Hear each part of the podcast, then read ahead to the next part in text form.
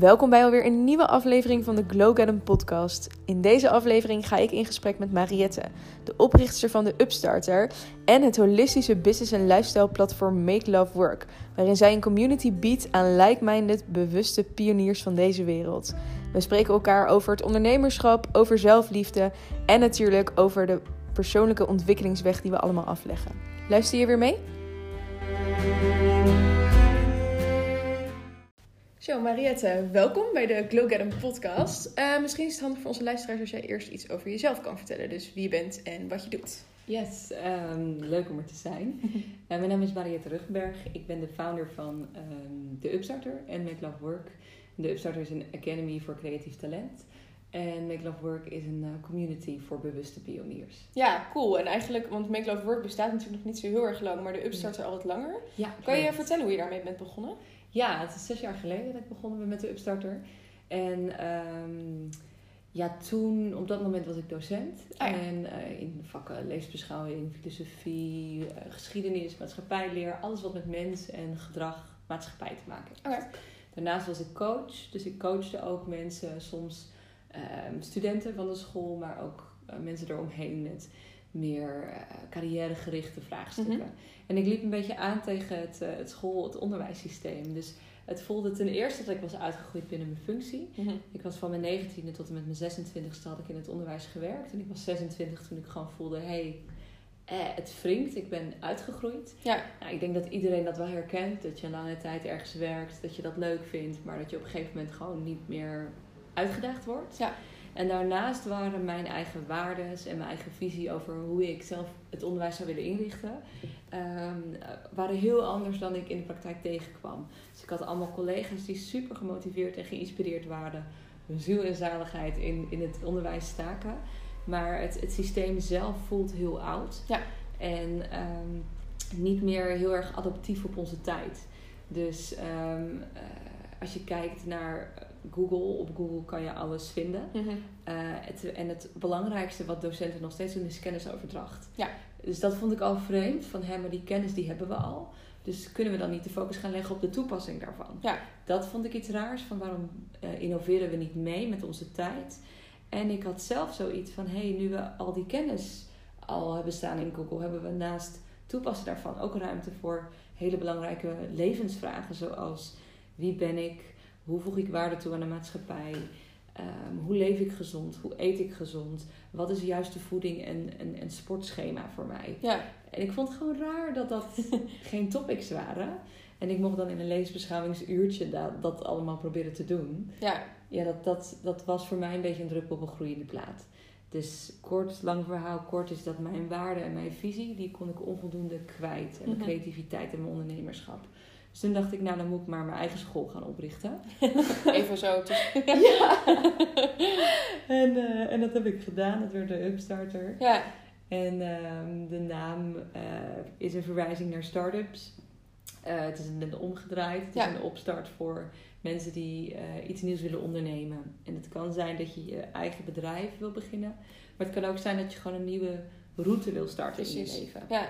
En um, daar met dat gedachtegoed is het gestart. Ja, wat cool. En wat is dan de reden dat je je specifiek op die doelgroep bent gaan richten? Ja, um, ik dacht zoiets van, nou, als je net bent afgestudeerd, mm -hmm. um, dus zeg maar ongeveer 25 plus, maar sommige mensen zijn ook jonger, die zijn rond de 23, 22. Vanaf dat, die leeftijd en omhoog, dus ja. tot en met 50 of whatever, want je kan ook al carrière hebben gemaakt en willen Precies. wisselen. Ja. Uh, ik dacht, maar als je net van de studententijd komt, dan zijn je dromen nog groot. dan, dan ben je meestal best nog wel heel erg in contact met je eigen essentie. Ja. En soms als mensen in het systeem terechtkomen en je hebt een baan en je hebt een vast contract, uh, dan, dan kan het erin sluipen dat je denkt: oh, dit is hoe het hoort. Oh ja, dit, ik, dit voelt wel een beetje gek dat van 9 tot 5 elke dag. Um, maar ja, iedereen doet het, dus, dus laat ik het ook maar doen. Ja, en ik ben niet anders gewend. En ik ben niet anders gewend. En, en de meeste mensen na studententijd staan nog best wel open. Ja. Ik dacht, oh, dan ga ik ze gewoon bij de poort opwachten. slim, heel slim. Ja. ja, en dat bleek dat, dat mensen van alle leeftijden nu wel komen. Ja. Het grootste stuk van, de, van onze deelnemers is denk ik rondom 30. Oh ja, ja dus precies. eh, mensen eind 20 en in, in, in de 30. Ja, en eh want je, je gaf net al aan, hè, het is eh, vooral voor, voor de creatieve sector waar je je dan vooral op richt. Ja. Want ben je dan met één opleiding gestart of had je gelijk al meerdere programma's staan? Of hoe moet ik dat voor me zien? ja, maar met één opleiding gestart. En eh wij zijn een Academy voor Creatief Talent. Ja. En dat is niet specifiek voor de creatieve sector. Oké, Dus ja. creativiteit zien wij heel breed. We zien het als het vermogen om ideeën te genereren die waarde hebben. Ja, precies. En dat betekent dus dat je oplossingen kan, in kan denken in oplossingen. Als bijvoorbeeld coach. Ja. dus je bent heel creatief in het, in het vinden en voelen van alternatieve routes. Mhm. Eh, maar dat kan ook als, als innovator of ontwerper. Dus dan ben je weer voor design thinking.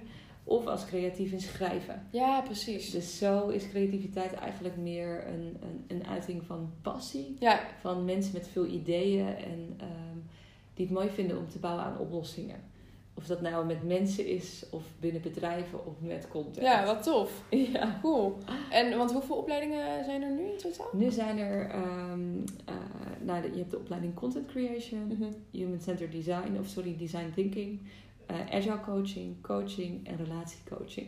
Dus het zijn vijf opleidingen. We hebben op dit moment een testopleiding, Innoveren met Impact. Dat is een online opleiding in, Oh, ja. in coronatijd. Ja, Maar ik zelf merk dat ik wel echt hou van offline trainingen. ja, En dat, dat kan nog steeds, nu met anderhalf meter afstand. precies. Dus ik denk dat we ons daarop willen blijven focussen. Ja, cool. En heb je dan, want ik kan me voorstellen dat je ook niet alle trainingen natuurlijk allemaal zelf doet. En dat je op een gegeven moment een team van experts zeg maar, om je heen bent eh, gaan verzamelen. Ja, En nu hoor ik altijd, eh, en eigenlijk praktisch ieder interview wat ik tot nu toe heb gedaan met mensen die ook echt mensen voor zich hebben werken, dat het ook een hele uitdaging kan zijn om bijvoorbeeld een team te kunnen managen. Ik- Hoe Ja. is dat bij jou eh, gegaan? ja nou, ik, dat is heel leuk, want ik, heb, ik voel me geen manager. ik, ik ben ook denk ik niet echt eh, een echte manager. Mhm. Ik ben meer een, een, een leider of een inspirator of een Ja. aanjager. Eh, ik vind managers echt super kwaliteiten hebben die het geheel van alle details kunnen overzien en Mhm. weten wat wanneer gebeurt. Dat, dan ga ik een beetje uit mijn kracht. Ja. Dus ik hou heel erg van een zelfsturend team. Ah ja. En eh, dat is agile coachen ook. Ja. Dus vandaar dat we daar ook een opleiding over hebben. Mensen Practice zoals mij, ja. ondernemers die denken, oh my god, ik wil echt niet managen. Ja, Eh, dan kun je dus een zelfsturend team hebben. En eh, dus dat is, ik kijk altijd naar, kunnen mensen zichzelf aansturen? Dus ehm, zijn ze proactief? Ja. Maar ook, hoe kan ik de samenstelling binnen het team zo doen... dat wanneer mensen het wel fijn vinden om structuur te krijgen... dat er ook structuurbrengers zijn. precies. Want ja. dat maakt ook een zelfsturend team. Ja. Dus dat je gewoon kijkt naar aanvullende kwaliteiten. En dat is nu wel, eh, ja, dat is nu wel heel mooi gestroomlijnd. ja. Maar dat is wel een zoektocht. Ja, daar kan ik me iets bij voorstellen. Ja, ja eens. En want ehm, ehm, ik moet er zelf ook eigenlijk altijd aan denken dat, jij zei het net al, hè, dat je bepaalde persoonlijkheden dan in een team op, eigenlijk op elkaar eh, afstemt. Ehm, maar je hebt natuurlijk voor die opleidingen echt wel hele specifieke kennis nodig natuurlijk. Ja. Ehm, hoe heb jij dat toen tijd gedaan? Omdat je, ehm, je werkte natuurlijk eerst in loondienst. ja, Misschien dat je vanuit daar al een netwerk opgebouwd? Of ben je echt vanaf het moment dat je bedacht... hé, hey, ik wil dit gaan doen, ben je toen gaan zoeken? Ja, ik ben wel echt een, eh, ik heb wel een rigoureuze knip in mijn, eh, in mijn leven gemaakt. Ja. Maar dat past ook wel bij mijn eh, persoonlijkheid. Ja. Dus als dat niet bij je persoonlijkheid past, zou ik ook zeker niet aanraden dat te doen. De meeste mensen raad ik aan om het gewoon langzaam op te bouwen naast het loondienst. Precies. Dat heb ik niet gedaan en dat vond ik prima. Ja. Ik had in mei had ik ontslag genomen en dan moet je nog werken tot en met het eind van het jaar. Dat wilde ik ook Oh ja. graag. Ja. Ik vond het leuk om het schooljaar af te maken. Dan heb je dus vakantie. Ja. Dus zomervakantie. Nou, dat is zes weken, bijna acht. Eh, en ik had gewoon gerekend, oké, in de zomervakantie word ik doorbetaald. Dus dat is meer dan een maand, bijna twee maanden. En ik heb sowieso al voor vier maanden spaargeld dat ik daarvan kan leven zonder dat er iets gebeurt. Ja. Dus vier à vijf. Dus ik dacht, nou, ik heb zeker een half jaar de tijd Om alles uit te rollen. om alles uit te rollen. Ja. En als, ik dan, als het dan niet is gelukt, dan is het misschien ook niet helemaal mijn pad. Dan ben ik misschien ook niet helemaal geschikt als ondernemer. En kan ik beter gewoon als freelancer gaan werken of in loondienst. Ja. Het gaat er ook over dat je jezelf toestaat om te ontdekken welke werkvorm bij je past. Ja, en wat mooi dat je eigenlijk dan vanaf het begin af aan al zegt van... Hè, ik geef mezelf de kans en lukt het niet, is het ook oké. en dan ga ik weer een andere weg zoeken. Zeg Ja, maar. en dan was het gewoon niet mijn vorm. Ja. Eh, en dat betekent nog wel dat je bezig kan zijn met je passie. Precies. Maar het is heel belangrijk om ook te merken: is dat voor mij in freelancing? Is het voor mij in ondernemerschap? Is dat voor mij in loondienst? Of je weet het niet. Nee. Nee. Ehm, dus het was voor mij een experiment. En je vroeg ook eerder van. eh, dus ik was wel. Dus ik heb mijn loondienstcontract doorgeknipt. Ja. En gewoon helemaal gaan freewheelen. je stelde twee vragen. Eén over hoe ik dan die mensen ben Ja. tegengekomen. En die andere hoe ik ben begonnen of alle programma's er al waren. Ja. Nou, ik ben begonnen met een programma wat nu niet meer bestaat. dat is nu geïntegreerd in al onze opleidingen. En dat heette het Upstarter traject. Dus dat was een programma waarbij mensen gingen ontdekken wat is mijn purpose, wat is mijn passie, eh, wat is mijn talent en eh, hoe past dat in de arbeidsmarkt. Ja. Ah, En eh, dat zit nu in al onze opleidingen Ja, verweven. precies. En dat noemen we creative confidence lessen. Waarbij je dus gaat zoeken wat is nou mijn eigen, wat is nou mijn creatieve talent en hoe kan ik daar meer zelfvertrouwen over krijgen. Dus dat hebben we nog steeds. Maar daar begonnen we mee en we koppelden mensen dan aan start-ups om Mm. te leren van ondernemers. Ja, En tof. om te ontdekken, hey, welke vakgebieden vind ik leuk? Ik kan iets van content doen, iets met eh, meer strategische marketing, kan iets doen met projectmanagement, met iets sales. Wat spreekt mij aan in dit spectrum? Ja, Bij start-ups, het zijn zo klein, je kunt alle functies eigenlijk eens. proeven. Ja, ja. Eh, dus dat vond ik een hele mooie manier om en die persoonlijke ontwikkelingstraining te hebben en te kijken in de praktijk, eh, waar, waar ga ik van aan? Ja, Nou, we bieden nu nog steeds stages aan bij onze programma's. Dus dat je dan en een vakgebied kan leren en die Creative Confidence traject doorgaat. En dan ook de Ja. skills leert. ja. Maar voor de mensen die al wat meer ervaring hebben, vinden een stage niet interessant. Dus daarom kunnen mensen kiezen. ja Wil precies. ik wel of niet zo'n traject bij een start-up? En alle start-ups in ons netwerk zijn purpose-driven. Dus die hebben een- een missie waarvan wij vinden dat maakt de wereld op hun manier een mooiere plek. Ja, Ehm, en dat is ook wat onze soort deelnemers aanspreekt. Die willen graag ook iets doen met purpose. precies. Ja, Dus dat is een beetje hoe het startte met het Upstarter traject. en wij kregen toen de vraag vanuit bedrijven van... Hey, jullie mensen zijn zo leuk. Ze zijn creatief, ze zijn ondernemend, ze willen graag. Ze hebben echt hart voor onze missie. Maar ze kunnen eigenlijk geen marketing. ja, ze, ze hebben er niks van geleerd, want ze hebben psychologie gedaan. En ik wil wel met ze verder, maar ik vind het ook wel handig als ze wat skills hebben. ja. En toen zijn we dus die programma's in skills gaan maken. ja precies. Ja, En eh, wat je zei, hè, je, dat, je geeft aan, mensen gaven aan dat ze jullie cursisten eigenlijk onwijs eh, leuk vonden en supergoed in wat ze deden. Deden jullie ook een soort se- selectietraject eh, dan vooraf? Ja, ja, in het begin met het Upstarter traject niet. Toen was het meer gewoon, wil je echt gewoon aan jezelf werken? Ja. Top, ga ervoor. En, en voel je dat je de ballen hebt om bij een start-up aan de slag te gaan. En de, de, de mensen die wat meer, ja, die, die voelden voor, oeh, start-up, dat vind ik wel spannend. Die sorteer je natuurlijk meteen ja, uit. precies. Maar op een gegeven moment zijn we ook meer gaan kijken naar, eh, hebben, laten we mensen assessments maken. Ja, Gewoon om te kijken, is jouw manier van denken en je basisniveau aan skills voldoende om nu al te starten? Ja. En eh, als dat niet zo is, dan is het voor jou ook niet een leuk traject nee, om aan te gaan. nee. En het blijkt dat mensen veel meer kunnen dan ze denken. dus dan maken ze zo'n assessment en denken ze, maar ik, eh, ik heb een psychologie of een humanistieke achtergrond of hotelschool gedaan. Hoe moet ik nou iets met contentcreatie Ja. doen? En dan blijken ze toch al heel veel te kunnen. Ehm, en met wat soort van aanwijzingen van ons groeien ze ook heel snel. Ja, Dus dat is wel de voorselectie die we nu ja, doen. precies. Ja. Ik vind het heel grappig dat je dat zegt, want ik denk dat ook, eh, dat ook voor ondernemers bijvoorbeeld heel herkenbaar is. Dat je, eh, zeker als je net begint natuurlijk, doe je praktisch vaak alles zelf. Omdat je denk ik in het begin eh, het nog moeilijk vindt om dingen uit te besteden. En ehm, kom je er eigenlijk op een gegeven moment ook achter van... hé, hey, er zijn echt wel meerdere dingen behalve hetgene waar ik heel goed in ben... en waarom ik mijn bedrijf ben gestart... Ja. Ehm, waar ik eigenlijk best wel goed in ben en die ik best prima eh, onder de knie heb. Want ik kan me voorstellen dat er voor jou ook dingen zijn geweest die nieuw waren op het moment dat jij vanaf je loondienst eh, eh, het ondernemerschap instapte. Eh, Ja. Kan je misschien iets vertellen over de dingen waarvan je zei van nou dat, dat vond ik echt wel een flinke uitdaging zeg maar toen ik net als ondernemer eh, begon? Ja, sowieso mooi wat je zegt. een mooie vraag. Het is heel herkenbaar dat ik... Ik ben inderdaad eh, kwaliteiten van mezelf tegengekomen en talenten waarvan ik niet wist dat ik ze had. Precies, ja. Ja, en eh, de uitdagingen die, die waren er alleen maar bijna. Leek in het begin.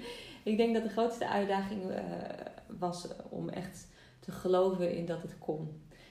Dus dat was de grootste challenge. Ja. Want uiteindelijk kun je alles leren, maar hou je het vol. Ja. Dus blijf je consistent in het proberen na te streven van jouw doelen. Mhm.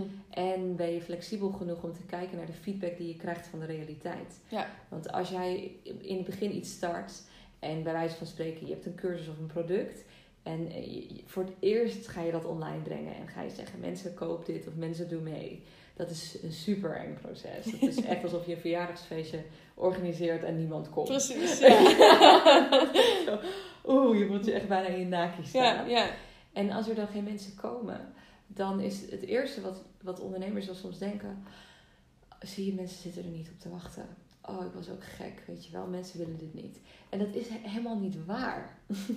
dus als jij in je hart ergens gepassioneerd over bent, als, jij, als dat voor jou echt voelt als, maar dit is mooi, dan, dan is dat iets wat andere mensen ook willen. Ja. Want het is iets heel wezenlijks, wat jij voelt in je hart. Dus dan is het ook wezenlijk voor een ander. ja. Maar dan is de timing soms niet goed. Of je marketingteksten waren niet handig. De foto klopte niet. Ehm, je hebt nog te weinig ambassadeurs die eh, reviews hebben gegeven. Precies. Mensen kennen je nog niet en vinden het daarom eng om iets te kopen. Dus pas als mensen je zeven keer hebben gezien of vaker, pas dan durven ze vaak iets van je af te nemen. Ja. En als je na die eerste keer jezelf terugtrekt en denkt: Oh, ik ga nooit meer in mijn naakje op het podium staan, wat ik heel goed begrijp, dan, dan komen mensen niet door. Dan kunnen Nee. ze niet vertrouwd raken met je. Dus het heeft heel erg te maken met ehm, vertrouwen in, in de lange termijn ook. Ja. Ja. Dus dat was voor mij de grootste uitdaging om eh, te geloven dat wat ik van diepste voelde, Ja. dat je het meeste verdient in geld en in geluk door bezig te zijn met je passie en je purpose. Precies. Dat dat echt, dat voelt zo waar. Ja. ja, en ik denk dat het misschien juist ook wat je zegt, hè, dat het daarom ook misschien wel nog enger is op het moment dat je alles naar buiten zet en je niet de respons krijgt die je wil. Want het is een, eenmaal hetgene waar jij heel blij en heel gepassioneerd over bent. Ja. En dan hoop je natuurlijk dat anderen ook zo reageren. Ja, en ja, juist dan dat je denkt van, oh mijn god, maar wat nou als dat helemaal niet zo is? precies. Die, die angst dat het dan niet van de grond gaat komen. Nee, nee. Eh, en dat je dus inderdaad maar volwassen hebt te worden. en je kinderlijke dromen opzij moet schuiven. Ja, Dat is gewoon best wel eng. En ik ben er nu zes jaar verder en ik had gewoon nooit gedacht dat ik hier zou staan. Dus ik doe elke dag wat ik leuk vind en niet elke dag. In die zin van de finance vind ik nog steeds niet leuk. dat doe ik zeker elke week. ja, ja, De wc schoonmaken vindt niemand leuk. Dat doe ik ook gewoon netjes. precies. Ik heb wel een schoonmaker, dus ik wissel het af. maar ik vind het ook belangrijk om, om eh, een realistisch beeld te scheppen. Ja. En ook om, eh, het, is niet alleen maar leuk, alle aspecten van het runnen van een bedrijf. Nee, De verantwoordelijkheden van in je eentje beslissingen nemen, die kunnen soms best wel zwaar wegen. Dus het is niet alleen maar leuk. Maar ehm, ik, ik voel me wel elke dag trots eigenlijk. ja, En heel erg ehm, vervuld. Van, oh jeetje, dit is gewoon mijn baan. Wat is het absurd. Hoe kan het? Het is niet een baan, maar het is mijn baan. ja, maar dit klinkt zo herkenbaar. Ik heb dus zelf een hele periode gehad dat ik eh, bedacht had wat ik wilde gaan doen. En dat ik dacht, nou oké, dan ga ik, ga ik eens kijken of wat voor soort functie dat dan zou moeten zijn, zeg maar. Ja. En dat ik dus ging, ging zoeken op van die jobsites en, en gewoon bij bedrijven zelf ging kijken. En dat ik gewoon niet de functie kon vinden die ik in mijn hoofd had bedacht. Omdat het gewoon niet bestond, zeg maar. En dat je dan uiteindelijk dus toch de keuze kan maken van... Nou, hè, ik, ik werk toch voor mezelf. Dus dan ga ik hem gewoon zelf creëren. Want als ik dat wil doen, dan ga ik dat gewoon doen. Ja, En ik vind het dan ook echt heel cool om te horen dat jij dus ook nog steeds hebt... dat je soms denkt, dit is gewoon mijn werk. Ja. Dit is gewoon mijn baan.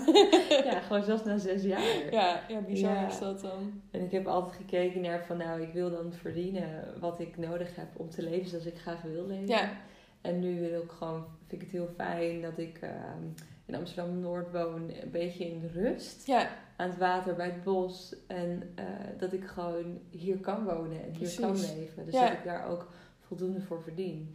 En dat is gewoon, eh, voor mij is het, het geld verdienen echt supportive aan mijn levensstijl. Ja. En mijn levenswensen. En ik verdien veel meer dan ik verdiende als docent. Maar dat is helemaal niet wat mijn doel was. Nee, nee, precies. Het is meer gewoon van, oké, wat heb ik nodig om dit bedrijf te runnen? Ja, Wat heb ik nodig om te verdienen, zodat ik ook een trainingslocatie heb voor de deelnemers? precies. Nou, dat, het was wel allemaal wel... eh, mijn eerste begroting was niet heel realistisch. nee, maar dat is ook zo'n fase waarin je natuurlijk onwijs nog aan het aftasten bent eigenlijk. En je, Ja. je bent aan het bedenken op basis van een situatie die nog niet gecreëerd is. Dus dat is ook onwijs lastig. Klopt. Ja. Ja. Dus dat idee dat sommige mensen hebben, nou, je kan wel bezig zijn met je purpose of je passie. Maar, en dan voel je je dus heel gelukkig. Ja, Maar eh, het blijft een struggle met geld. Dat is dus niet waar. nee. Het is, in het begin was het voor mij een struggle met geld, omdat ik niet een goed beeld had van wat ik zou moeten verdienen. Ja. Om eh, eigenlijk alles te betalen wat nodig is. Precies. Hostingprogramma's, personeel, eh, locaties. En langzaam kom je er gewoon achter. hey, dit is het bedrag wat ik nodig heb. Ja, En wat moet ik dan doorberekenen in mijn cursusprijs? ja, ja En precies. hoe groot moeten de groepen dan zijn? Ja, En hoe vaak moet ik dan trajecten draaien? nou, en zo kom je er vanzelf achter. Ja. En wij werken bijvoorbeeld met prijzen voor particulieren van 1500 euro of 1499. En eh, ons normale tarief eigenlijk, wat we het zakelijke tarief Mhm. noemen, van 2300 euro. Mhm. Ja, blijkt dat er bijna alleen maar particulieren komen. ja. maar gelukkig ook voldoende zakelijke Ja. tarieven. Waardoor wij toch een, een, een, een, een toegankelijke prijs hebben. Maar door af en toe die zakelijke tarieven voldoende verdienen. precies. Dus je kunt ook heel creatief zijn in Ja, eh, hoe je met die prijzen Ja, en ik denk ook dat dat, ehm, dat dat ook iets is wat heel herkenbaar is voor heel veel mensen. Dat als ze wanneer ze een product gaan uitbrengen of een bepaalde dienst gaan leveren, dat het zeker in het begin heel lastig is om in te schatten. ehm, Oké, wat, wat is het nu inderdaad, wat is het precies waard? Ja. Wat hebben mensen ervoor over? En wat heb ik er zelf uit nodig, zeg maar? Want jij kan natuurlijk leuk bedenken... Goh, ik ga een bepaalde prijs ergens voor vragen... want mensen hebben dit ervoor over. Maar als jij er vervolgens niet eh, van rondkomt... en niet, je, niet je, je processen op een logische manier kan laten lopen... dan loop je daar natuurlijk onwijs tegenaan. En ik denk dat Ja. dat heel herkenbaar is voor iedere starter. Dat je denkt, ja, ik, ik weet mijn god niet waar ik mijn prijs op moet baseren. Want Nou, je start net. Je hebt Ja. geen idee. Je hebt geen idee en dat is ook helemaal oké. Ja, Dus precies. het heeft voor mij echt wel drie jaar geduurd voordat ik dat echt had uitgevogeld. Ja. Voordat het stabiel was. Ja, En natuurlijk in jaar één leer je al heel veel. Maar ehm, zelfs als je jezelf daar drie jaar de tijd voor geeft om eh, een gezonde prijsbalans te vinden, is dat ook niet Ja. iets geks. Nou, ik denk sowieso dat we eh, allemaal wel wat meer mogen beseffen dat we echt niet vanaf moment één alles gelijk helemaal goed hoeven doen. Nee, En- goed dat je dat zegt. Ja, nee, maar ik vind dat echt. Ik had het daar toevallig gisteren ook nog met iemand over. Dat het juist zo mooi is aan het hele ondernemen. En ik denk dat je het daarin wel met me eens bent. Zeker als ik hoor wat je nu zo zegt. Dat je constant blijft ontwikkelen. Ja. Niet alleen als bedrijf, maar ook echt als persoon. En dat je ook Ja. kwaliteiten gaat krijgen doordat je dingen op een bepaalde manier gaat aanpakken. Dus Ja. misschien doe ik nu dingen waar ik nu heel goed in ben, waarvan ik vier jaar geleden niet eens had bedacht dat ik dat ooit ging doen, zeg maar. ja. En wat voor verrassends heb jij dan over jezelf ontdekt? Ehm, nou, ik heb dus aan mezelf. Ik, ik, ik was zeg maar toen ik startte met ondernemen, toen ehm, heb ik, had ik daar niet op gerekend, zeg maar. Dus ik ben eigenlijk gewoon begonnen. En ik ben normaal gesproken echt een onwijze planner. Dus ik was altijd heel erg van, eh, nou, je wil mijn agenda's niet zien van vroeger. Die staan echt helemaal volgeschreven en ik leef echt vanuit mijn notities. Dus ik werk super erg met to-do-lijstjes en ik was dus altijd heel erg eh, in de veronderstelling dat ik een super strak businessplan moest hebben om iets van de grond te kunnen krijgen. Ah. Maar omdat ik eigenlijk gewoon met niks begonnen ben, omdat ik erin gerold ben, heb ik ook geen businessplan gehad vanaf moment één. En ik had dus van mezelf verwacht dat ik daar heel erg van, soort van in de stress van zou schieten. Terwijl ik uiteindelijk de eerste, nou, ik heb de eerste twee jaar dat ik voor mezelf werkte niet eens een eigen website gehad. En dat zijn allemaal van die dingen waarvan ik nooit had verwacht dat ik ze los had kunnen laten. Omdat ik juist altijd heel erg ben van het vooruitplannen. En eh, echt, nou ja, ervoor gaan zitten om te bedenken hoe ik dingen wilde gaan aanpakken. En omdat ik dat vanaf moment één eigenlijk niet gedaan heb, heb ik dat nu met nieuwe, nieuwe dingen eigenlijk ook veel minder. Mooi. Veel meer kan loslaten en dan kan denken, nou, ik, ik, ik zie al waar het schip strandt. Ik heb, een, eh, ik heb een mooi idee. Ik ga dat uitwerken en ik ga er gewoon mee aan de slag. Ja, mooi. Dat zijn echt van die dingen waarvan je van tevoren niet bedenkt dat dat zo gaat lopen, zeg maar. Nee, en ik denk dat dat ook wel inherent is hoor aan ondernemen. Zo ervaar ik het ook. Ja, Dat je, je hebt een soort van stip op de horizon. Maar de route naar die, naar die stip toe is totaal onbekend. Ja, En ik denk dat dat, je kunt het ook echt wel zien als een soort van schip dat je in het water laat. ja, Dat is iets heel spannends. Dat je, je vaart eigenlijk het onbekende in. ja, En eh, je laat het vertrouwde haven, wat, je, wat je kent, laat je los. precies. En je weet, daar is die stip. Maar niet of je er gaat komen en hoe. Ja. En ik denk dat dat een stukje is wat je, wat je mag loslaten. Van, hé, hey, ga maar. Ja, Want eh, het, het- het is een illusie dat, eh, dat, dat ons leven zekerheden geeft. Gewoon, als jij Ja. bij je loondienstbaan blijft, is het een illusie om te denken dat je leven dan gelukkig is. ja, Want eh, je kunt dat niet plannen of controleren. nee, nee, absoluut. Dus dat is denk ik, dat heeft mij heel erg geholpen van oké, niks blijft voor altijd. Ja. Alles transformeert. Precies. Niks is eigenlijk zeker. Maar ik voel heel duidelijk dat dit belangrijk is voor mij. Ja. Nou, laat ik daar dan op varen. Ja, En dan eh, vertrouwen dat de puzzelstukjes onderweg in elkaar vallen. precies. En Ja, dat, dat gebeurt echt. En dat geeft mij dan het gevoel dat de wereld toch ook een magische plek is. eens. Ja, ik denk, ben ook echt van overtuigd dat als je er echt in gelooft dat je er gaat komen, dat dat ook echt wel goed komt. En Ja, dat vind ik zelf ook weer echt onwijs mooi eraan. Is dat je, ehm, als we het dan toch over eh, de, de schepen eh, hebben, dat je ook onderweg constant die zeilen kan blijven bijstellen. En dat je niet vastzit aan, oh, ik heb bedacht dat ik het op deze manier ga doen. Dus Ja. kan ik daar nooit meer van afwijken. Dat je misschien doe je nu wel iets waarvan je over vijf jaar denkt, waarom heb ik dat in godsnaam op deze manier gedaan? Maar nu werkt het. En als het over vijf jaar niet meer werkt, is dat ook oké, weet je wel. En dat Ja. vind ik er ook wel heel erg mooi aan, moet ik zeggen. Nou, dat is Ja. het ook. En ik denk dat dat wel van je vraagt, wat jij zegt, van dat je die, die zeilen bijstelt. Eh, dat je ook eh, die feedback van de realiteit, waar ik het eerder over Ja. had, dat je daar echt open voor staat. En dat je dat niet ziet als een soort van gezichtsverlies. Nee, Zo van, nou, ik had eh, gekozen voor oranje kleuren op mijn website en voor deze quotes en deze statements. Maar ja, het past nu toch beter deze kleur en een kleur is Ja, dan niet zo ja. belangrijk.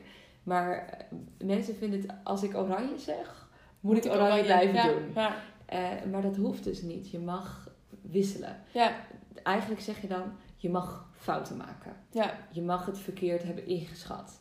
En het is dus niet een verkeerde inschatting. Het is een, een, een les waarbij je Ja. bent tegengekomen. Hé, hey, ah, dit, dit werkt niet meer voor nu. nee, nee, precies. Maar als je, dat, als je dat lastig vindt, omdat je dan vindt dat je hebt gefaald, Ja, dan wordt het een, een, een stroef, stroef traject. absoluut. Ja, zeker maar als je weten. het ziet als een soort van avontuur waarbij jij gaat ontdekken wat werkt, een experiment en wat niet werkt, Ja, dan wordt het speels. ja, en ook vooral daarin nog denk ik iets blijven doen waarvan je ook gewoon voelt dat het goed is. En dat het bij je past, zeg Ja. maar. En dan ook makkelijker kunnen accepteren dat iets bijvoorbeeld niet meer bij je past. Ja.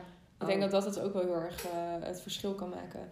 En ehm, en nu we het dan toch hebben over dingen die bij je passen. Jij gaf natuurlijk aan dat je met Make Love Work eigenlijk nog niet zo heel lang geleden begonnen bent. Ja, Kan je uitleggen wat dat precies eh, inhoudt? Ja, Love Work is een community voor wat ik noem bewuste pioniers. Het is een business en lifestyle platform. En ehm, ja, we zijn nu met 700 leden.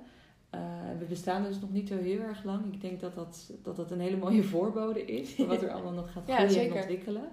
En het doel is om, ehm, ja, ik voel, en dat, dat, dat is echt heel erg mijn eigen geloof en mijn eigen onderbuikgevoel, dat we in een transformatieproces zitten, gewoon mondiaal met de wereld. Ja, En dat we ehm, meer bewust aan het worden zijn over hoe delen we nou ons leven in. En dat we ook meer bewust zijn van de verbinding die we hebben. Dus ik vind dat alleen al heel bijzonder met, eh, in de coronatijd dat je merkt hoe we verbonden zijn. ja, Omdat we door een virus, echt dat geven we allemaal aan elkaar. En ik denk dat dat ook laat zien hoe we op een negatieve manier dan verbonden kunnen zijn. Ja. Maar ook hoe we op een positieve manier verbonden kunnen zijn. En dat ehm, alles met elkaar interacteert. Dus dat een holistische visie op je leven en op je werk misschien best wel een logische stap is. ja, En dat we niet zo gesegmenteerd hoeven te denken van... oh, dit is probleem I. Nou, dat lopen we, dan lossen we dan zo op. Dus zeg maar, je lichaam, je emoties en je mentale en geestelijke welzijn zijn met elkaar verbonden. precies. Maar ook je werkleven en je privéleven. Ja, Het is allemaal niet los van elkaar. nee, nee. Als jij je kut voelt op je werk, heeft dat invloed op je relatie. Ja, En dan kan je nog zoveel gaan feesten in de kroeg of naar festivals, wat nu niet meer kan. Of whatever ja, doen. Eh, maar dat werkt gewoon ook niet. nee. Dus het gaat erover dat wij teruggaan naar de essentie. Ja. En gaan voelen in verbinding met onszelf. Wat wil ik werkelijk? Waarom ben ik hier eigenlijk? Wat wil ik voor bijdrage leveren? Ja. En hoe kan ik dat doen in mijn leven, in mijn werkleven en in mijn privéleven? Eh, Ik heb het idee dat dat appel nu op ons wordt gedaan. En dat we in die reis elkaar heel erg hard nodig hebben. Ja. Dat we echt die verbinding met elkaar nodig hebben. Dus dat voelde ik heel erg in coronatijd. Net als jij. Ja. dat is hartstikke Ja. mooi. En ik ben ook heel blij dat, dat jij dat hebt gevoeld, dat ik dat voel. Ik hoop dat meer mensen het voelen. Ja. En dat meer mensen initiatieven rondom communities beginnen. Want het is super belangrijk dat we gaan verbinden met elkaar. Absoluut. En Ja. dat, ehm, dat je een groep mensen hebt die je support in het behalen van je doelen. Ja. En ik heb me wel eens een beetje gek gevoeld. Of anders. Zo van met mijn holistische bla bla bla verhaaltjes. En de wereld staat in een transformatietijd. Weet je wel, dan werd er wel eens naar me gekeken van nou, eh koekoek. Ja. Ja. Ik was bang dat mijn gedachten afwijkend waren. En het kan dus ook heel erg fijn zijn om in een tribe te zitten met mensen die eh, op dezelfde gedachtenlijn zitten. Precies. En die zoiets hebben, ah, ik voel je. Ja. En Ja. dat is waar ik ook in geloof en daar wil ik me hard voor maken. Ja. En dan voel je ook, hé, hey, ik sta er niet alleen voor. Precies. Ja. We doen dit samen en eh, dat geeft gewoon heel veel het gevoel dat je gesupport wordt. Ja. En ik denk dat iedereen dat wel Eens, kan ja, absoluut. Ja, en ik denk ook zeker als je echt gaat kijken naar het groepje eh, ondernemers, dat je ook steeds meer ziet dat er ook dit soort communities beginnen te ontstaan. Weet je, dat mensen Ja. ook op gedeelde werkplekken gaan werken, omdat ja, je, je bent nou eenmaal eh, niet heel, tenminste dat dan spreek ik voor mezelf, niet op je gelukkigst wanneer je vijf dagen per week in je eentje in een kantoortje ergens weggestopt zit, zeg maar. Het is ook gewoon heel fijn om gewoon sparringspartners te hebben en mensen die er inderdaad net zo in staan als hoe jij erin staat. En Ja. die ook gewoon tegen dezelfde struggles aanlopen als waar jij tegenaan loopt, maar die ook dezelfde soort hoogtepunten vieren als die jij viert. En Ja, als je mooi. niet mensen om je heen hebt die, die dat snappen of die zich daarin kunnen verplaatsen, dan eh, denk ik oprecht dat het ook soort van kan drukken hoe gelukkig je bent met wat je aan het doen bent, zeg maar. Enorm. En dat juist die verbinding super belangrijk is om niet alleen elkaar verder te kunnen helpen, maar ook om heel blij te kunnen zijn met wat je zelf doet, zeg maar. Ja. Ja. Yes. That's the spirit. Ja. Nee, maar echt heel erg cool. En eh, nou ja, jij bent natuurlijk, eh, want je, je had het al hè, over die meer holistische eh, insteek en meer het gevoel dat alles met elkaar in verbinding staat. En ik denk Ja. dat dat ook wel heel mooi naar voren komt natuurlijk in het kartdeck wat je gemaakt hebt. Ja, Kan je daar iets over vertellen? Ja.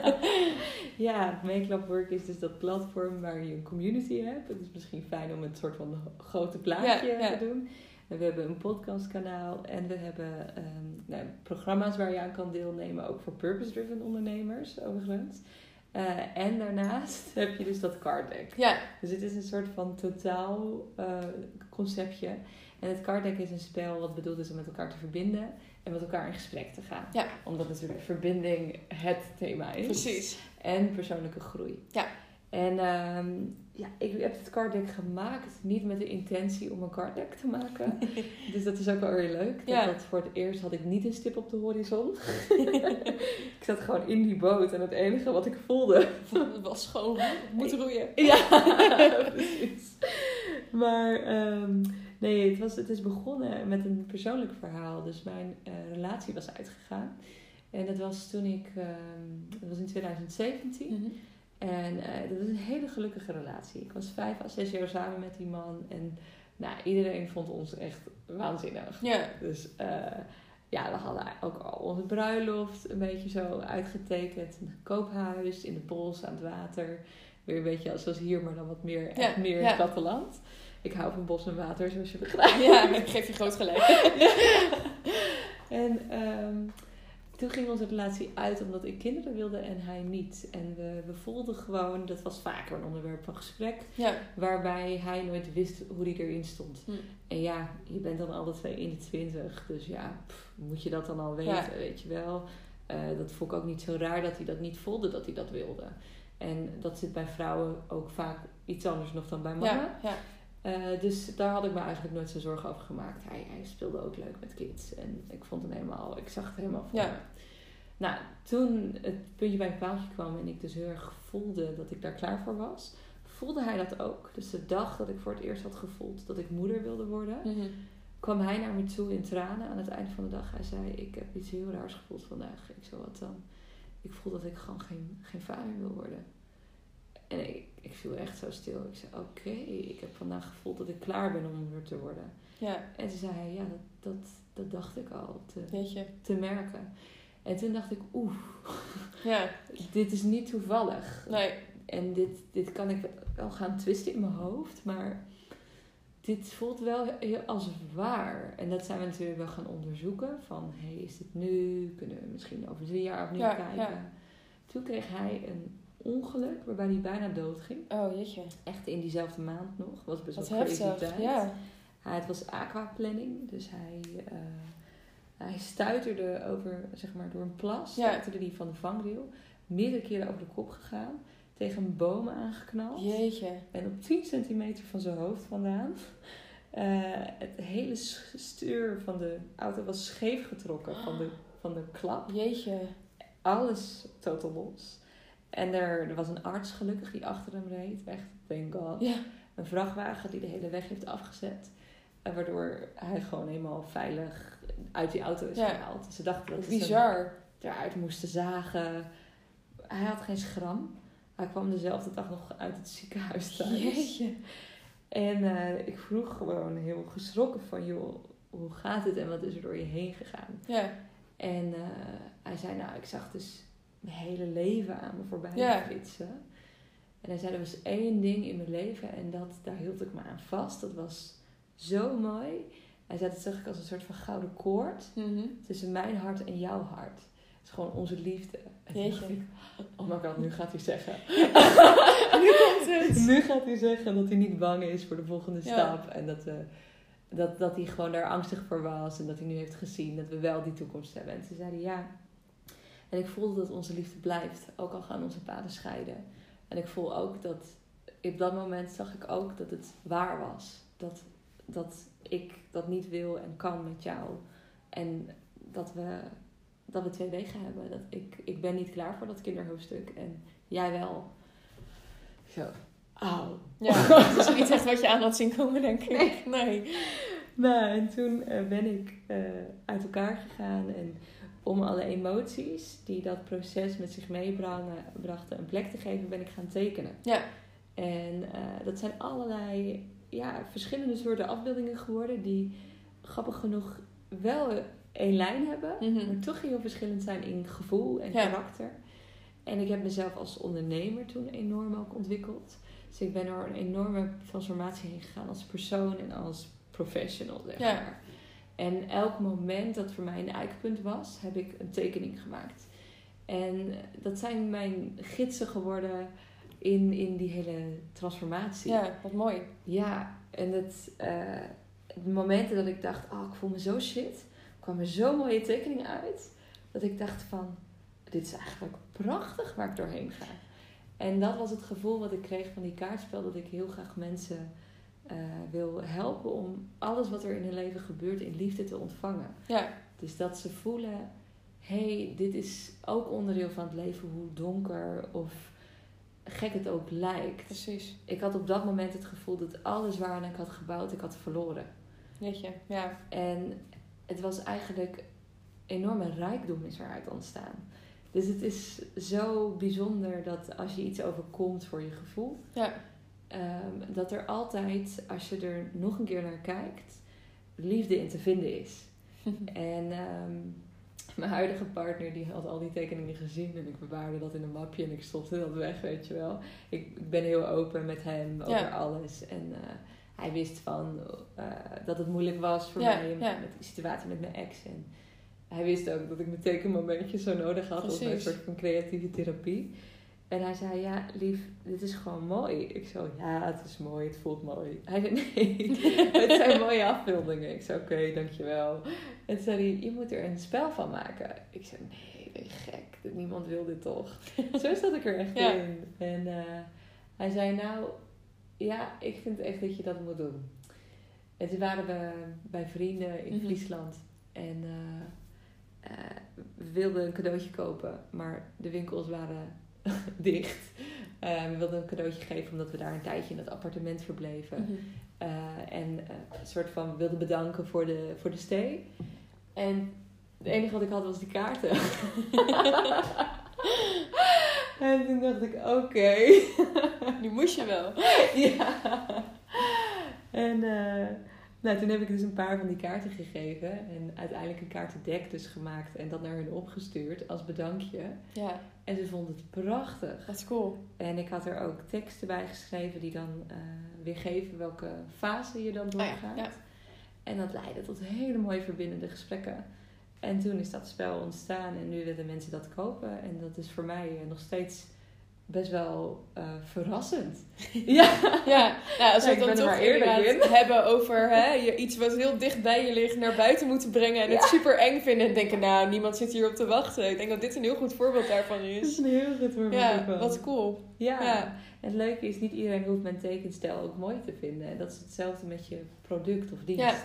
Niet iedereen hoeft het aan te spreken.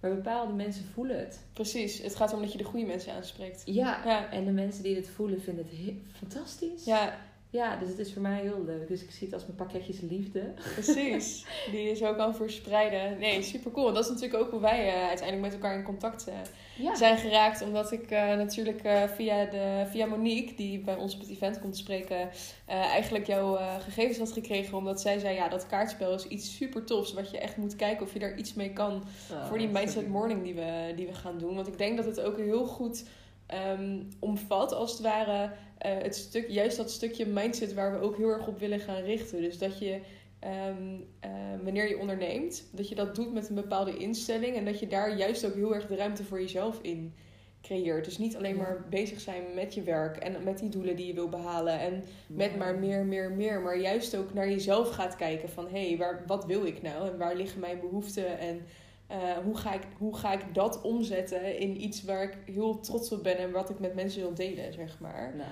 Dus ik denk dat het kaartspel daar super goed bij aansluit. Ja. Dus ik ben heel blij dat je, dat je ons eh, drie spellen hebt willen geven... die we dan straks tijdens onze mini-pub quiz... eh, nou ja, als prijsjes kunnen gaan, eh, kunnen gaan weggeven. Ik ben ook heel benieuwd hoe de dames erop gaan reageren. Ik ook. Dus, prachtig. eh, maar ik denk dat dat eh, helemaal goed moet gaan komen. Eh, ik wil jou onwijs bedanken dat je eh, nou ja, dit interview met mij wilde doen. Ik denk dat we nou ja, echt wel heel erg op één lijn zitten in de dingen die we, die we voor ons zien en de dingen die we doen. Dus echt super leuk om je te kunnen spreken. ja. En eh, ik laat je sowieso weten wat de reacties van alle dames zijn geweest Nou, na het event. Fijn, heel erg bedankt voor het gesprek. Ja. En wat fijn om iemand te ontmoeten, inderdaad, dat jij ook zegt waarmee je zo op één lijn zit. Super tof, heel Ja. toevallig. Dankjewel. Thanks. Bye-bye.